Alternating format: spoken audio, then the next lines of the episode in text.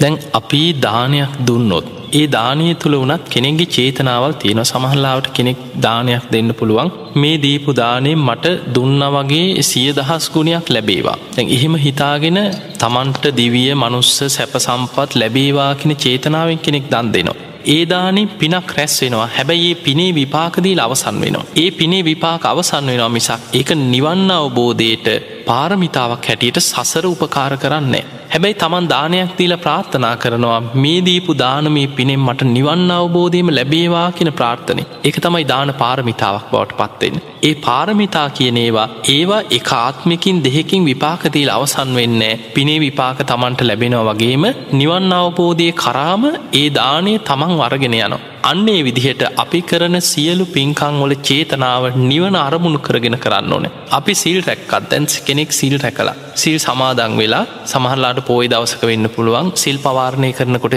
ප්‍රාර්ථනා කරනවා මේ ආරක්ෂාකරපු සීලේ මට නිවන් අවබෝධීම ලැබේවා කියන ප්‍රාර්ථනය. ඒ තමයි සීල පාරමිතාව. තමන් සිල් රැක්කේ එක අරමුණක් තියාගෙන ඒ තමයි නිවන අරමුණු කරගෙන. එහෙම නිවන අරමුණු කරගෙන දානයක් තුන්නත් නිවන අරමුණු කරගෙන සිල් රැක්කත් නිවන අරමුණු කරගෙන භාවනාව වැඩුවත් ඒ ගුණ ධර්ම සම්පූර්ණයෙන් පාරමී ධර්ම හැටියට ධර්මාවබෝධයට සකස් වෙනවා. තැ බලන්න දාන සීල නයිස්ක්‍රම්ය නයිස්ක්‍රමය කියන කාමයන් අතහැරි.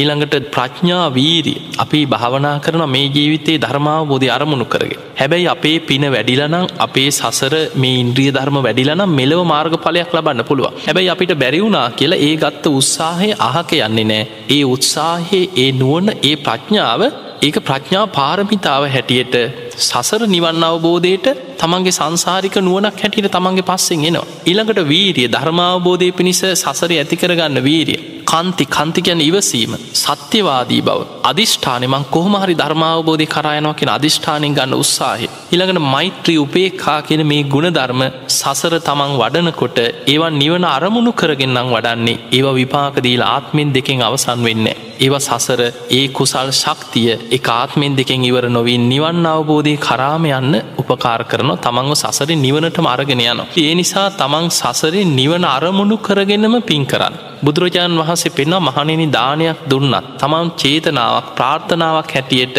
නිවන අරමුණු කරන්න. එකට ධර්මය ගැන නිස්සාරණ අභ්‍යාසයෙන් පින් කරනවා කියල්. නිවන ප්‍රාර්ථනා කරගෙන නිවන අරමුණු කරගෙන සිල්රැක්කත් දානයක් දුන්නත් පිනක් කරත් භාවනා කරත් ඒ සියලු ගුණ ධර්ම ධර්මාවබෝධය අංගයක් හැටියට සසර සකස් වෙන. දැන් අපි දන්නවා අපිට බුද්ධ දේශනාවල දකින්න ලැබෙනවා බුදුරජාණන් වහන්සේ පවා.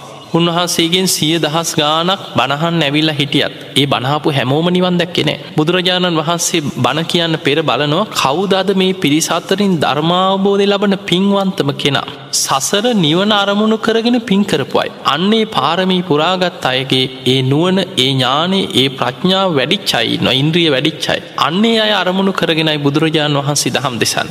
සමහර වෙලාවට කෙනෙක් ඉන්න පුළුවන් එයා බුදුරජාණන් වහන්සේ හොයාගෙන ඇවිල්ල නෑ යොදුම් ගානක් ඈත ඉන්නේ. හැබැයි බුදු ඇසිම් බලනවා කවුද ධර්මාබෝධයට පින තියෙන්නේ කියලා මහා කරුණා සමාපත්තියෙන් බලනවා බුදු කෙනෙක් හැම උදෑසනක ඒ බලනකොට යොදුම් ගානක් ඈත හිටියත් බුදුරජාණන් වහන්සේ සමහර වෙලාවට එයා හොයාගෙන එයා ළඟටම යන අපිට හිතෙන්න්න පුළුව මේ බුදුරජාණන් වහන්සේමකොට එයා ළඟටයන් හරිනං එයා එන්නේ පැ බුදු හාමුදුර හොයාගෙන. අන්න එහෙම අපි හිතනවා. හැබැයි බුදුරජාණන් වහන්සේ එයා හොයාගෙන යන්නේ ඒ පුද්ගලයා සසරි බොහෝ කාලයක් ධර්මාවබෝධය අරමුණු කරගෙන සසරි කැපකිරීම් කරපු කෙනෙක්. අන්නේ කැපකිරීම නිසා බුදු කෙනෙක් එයා ළඟටම ගිහිල්ලා එයාට ධර්මාවබෝධය ලබල දෙනවා. එනිසාපිට පේනවා නිවන් අවබෝධය කරා යන ගමනක අපි කරන පිනක ප්‍රාර්ථනාවක් හැටියට තියාගන්නවා නම් දැ කෙනෙක් හිතන්න පුළුවන් එහෙම නිවන ප්‍රාර්ථනාකරොත් මෙලව සැප අහිමි වෙනවද. අතකොට අපි මෙලව සැප ප්‍රාර්ථනා කරේ නැත්නම් අපේ දානේ සැපයක් ලැබෙන් නැද්ද.